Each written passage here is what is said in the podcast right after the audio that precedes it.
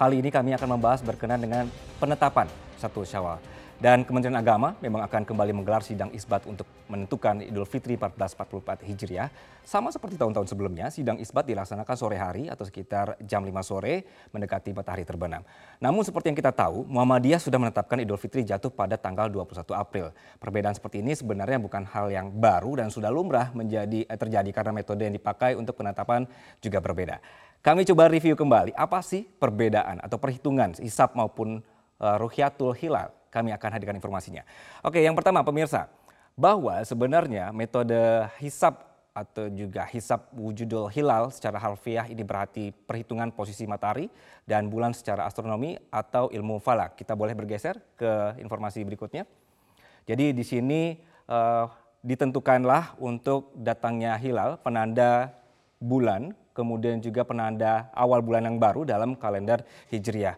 Kemudian juga bulan baru terjadi jika ketinggian hilal tidak kurang dari 3 derajat dan elongasi atau jarak sudut bulan ke matahari tidak kurang dari 6,4 derajat. Kriteria ini disepakati oleh Menteri Agama dari Brunei, Indonesia, Malaysia.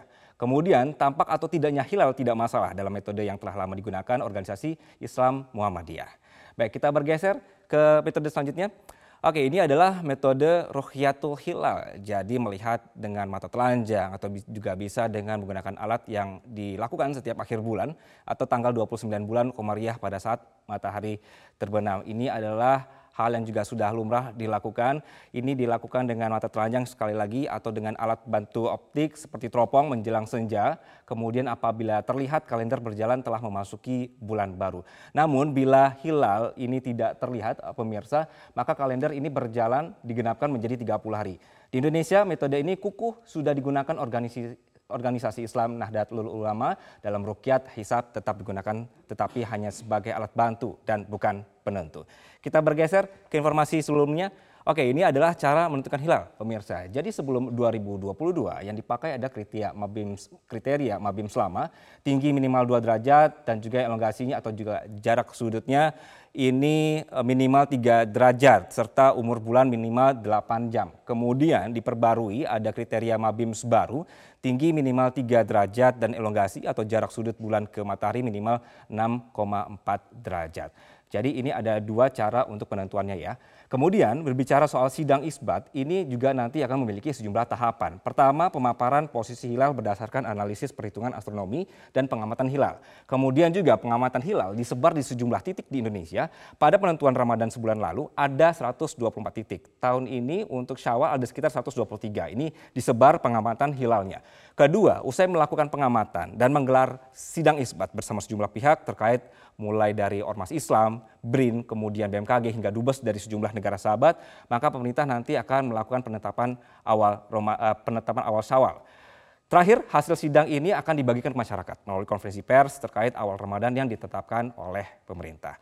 Nah, Menteri Agama Yakut Khalil Koumas menegaskan bahwa perbedaan penetapan satu syawal adalah hal yang lumrah. Menak minta kepada pemerintah daerah untuk memfasilitasi warga Muhammadiyah yang akan menyelenggarakan sholat id di hari Jumat.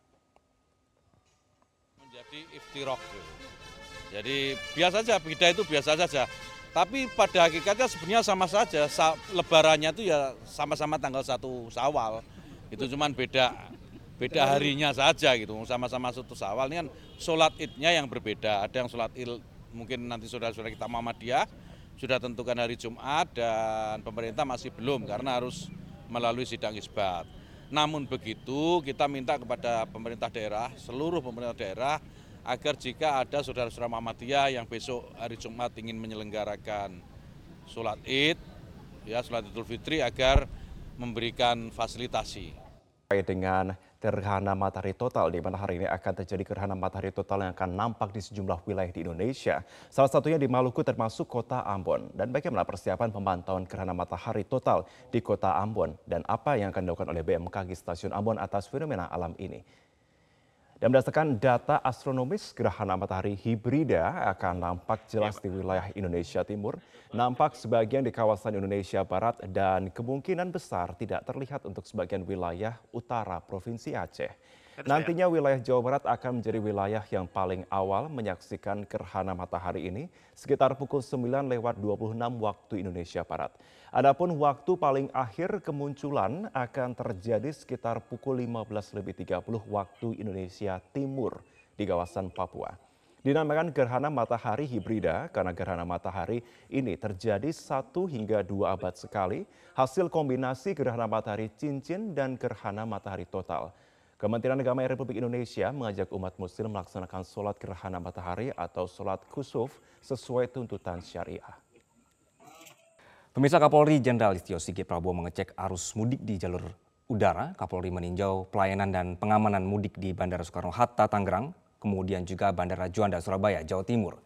Di Bandara Soekarno-Hatta, Kapolri melihat langsung pengecekan roda, mesin, hingga ruang kokpit pesawat yang digunakan untuk mengangkut pemudik. Selain itu, pengecekan juga dilakukan di jalur bagasi yang membawa barang-barang milik para pemudik. Pengecekan dilakukan terkait kerentanan yang sering terjadi dan adanya peningkatan penerbangan baik domestik maupun internasional dengan penumpang sebanyak 168 ribu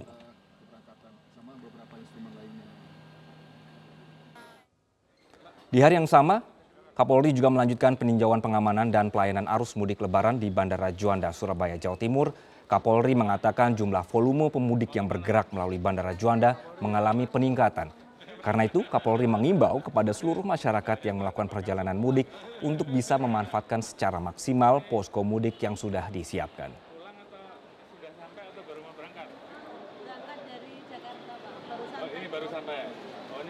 Kapolri Jenderal Listio Sigit Prabowo beserta stakeholder juga melakukan peninjauan kesiapan pengamanan dan pelayanan arus mudik di Pelabuhan Tanjung Perak, Jawa Timur. Dalam kesempatan di Pelabuhan Tanjung Perak, Surabaya, Kapolri juga menggelar dialog interaktif kepada petugas yang berada di Pelabuhan Ketapang Gilimanuk hingga Padang Bayi. Dari tinjauannya, pada saat ini terjadi peningkatan penumpang sebesar 10 sampai dengan 15 persen. Kapolri memastikan semua masyarakat yang mudik melalui jalur laut sudah mendapatkan pelayanan terbaik dari petugas.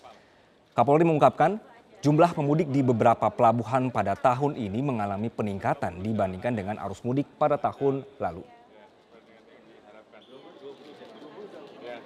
saja kita melaksanakan peninjauan sekaligus dialog interaktif dengan rekan-rekan kita yang melaksanakan tugas di Tanjung Perak, kemudian di Ketapang, Gilimanuk, dan Padang Bay.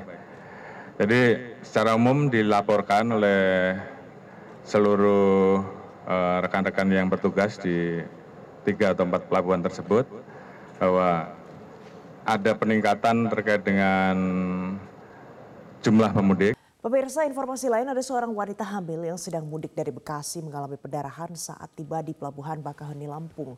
Petugas langsung mengevakuasi korban yang sedang hamil 11 minggu itu ke rumah sakit terdekat. Seperti ini suasana detik-detik penyelamatan seorang wanita hamil yang mengalami pendarahan dalam perjalanan mudik di Pelabuhan Bakaheni Lampung. Wanita hamil bernama Pepianti Samanda ini sedang menempuh perjalanan mudik dari Bekasi, Jawa Barat menuju ke Pekanbaru di Riau. Korban yang hamil 19 minggu ini mengalami pendarahan diduga karena kelelahan. Tim Kesehatan Polres Lampung Selatan kemudian mengevakuasinya ke Rumah Sakit Bob Bazar Kalianda untuk mendapatkan penanganan medis.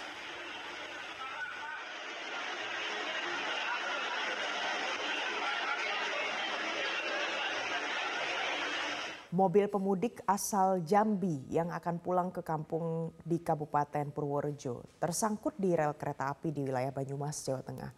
Dugaan sementara sopir sengaja mencelakakan seluruh penumpangnya dan bermaksud menabrakkan mobil ke kereta api yang akan melintas. Inilah kondisi mobil minibus pengangkut 8 pemudik asal Jambi yang hendak menuju ke kota Kutoarjo di Kabupaten Purworejo. Mobil minibus ini tersangkut dengan posisi melintang tepat di tengah jembatan Sungai Angin di Desa Kradenan di Kecamatan Sumpiuh, Banyumas. Kejadian bermula saat pengemudi mobil bernama Chandra dengan tiba-tiba sengaja membelokkan arah mobil masuk ke jalur kereta api sejauh satu kilometer. Mobil berhenti dengan posisi di tengah-tengah jembatan kereta api. Dugaan sementara pemirsa pengemudi mobil ini berniat mencelakai seluruh penumpangnya. Dan dampak kejadian ini jalur ganda kereta api dari arah Jakarta tujuan Yogyakarta dan sebaliknya menjadi terhambat. Petugas PT KAI terus mengevakuasi mobil ini dari jembatan yang tingginya lebih dari 5 meter dari permukaan sungai. Dan saat ini polisi masih mengejar pengemudi mobil yang hendak mencelakai penumpangnya ini.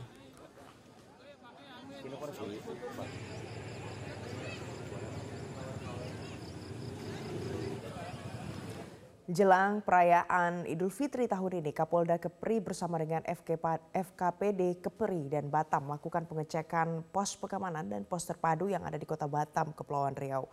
Peninjauan dilakukan di sejumlah pos pengamanan seperti di pos Batam Center dan pos pengamanan Mall Nagoya Hill. Kapolda Kepri melakukan pengecekan di enam pos terpadu yakni di pos domestik Punggur, pos Roro Telaga Punggur, pos pelabuhan domestik Sekupang, pos Bandara Hang Nadim, pos pelabuhan Batu Ampar, dan pos jembatan Ibarelang. Dalam kunjungan tersebut, Kapolda Kepri bersama rombongan salah satunya melakukan peninjauan pembangunan pos pengamanan terpadu di kawasan Kampung Aceh.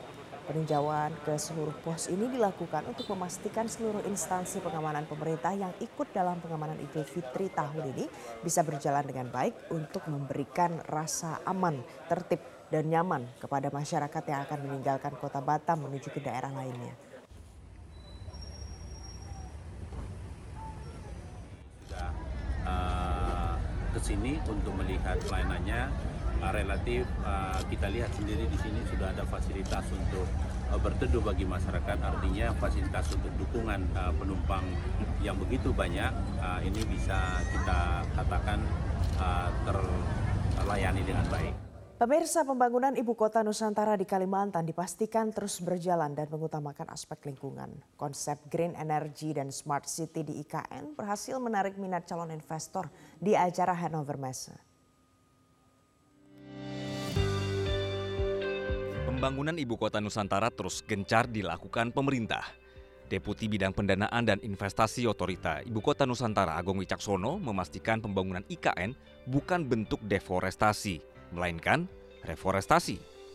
Dari 250 ribu hektar lahan, hanya 25 persen yang akan dibangun kawasan kota. Sementara sisanya akan tetap menjadi kawasan hijau. Di mana 75 persen itu 10 persen sebagai area park, taman, dan juga mungkin area produksi pangan ya, eh, pertanian. Sedangkan 65 persennya akan tetap atau bahkan diubah kembali menjadi kawasan hutan. Ini satu hal yang sangat nyata, yang sangat clear. Agung menjelaskan dalam gelaran Hannover Messe 2023, otorita IKN berhasil menandatangani perjanjian kerjasama dengan perusahaan asal Jerman Siemens di bidang Smart City, Smart Mobility, dan juga Smart Energy. Selain Siemens, ada beberapa perusahaan asal Jerman yang tertarik untuk berinvestasi di IKN, utamanya mereka yang bergerak di bidang pengolahan air dan energi terbarukan. Tegaskan oleh Presiden bahwa IKN Nusantara akan menjadi Smart Sustainable Forest City. Dan Kepala Otorita IKN, Pak Dr. Bambang Susantono juga menjelaskan bahwa salah satunya adalah dengan pemanfaatan energi terbarukan. Nah ini kemudian menarik perhatian yang luar biasa. Ya, bagaimana kehadiran presiden tersebut dengan kanselir Scholz kemudian dipublikasikan banyak sekali uh, yang yang kemudian datang. Ya, Meskipun Indonesia membutuhkan investor untuk membangun IKN, namun pihaknya tetap mengutamakan dan melindungi kepentingan negara dan masyarakat setempat.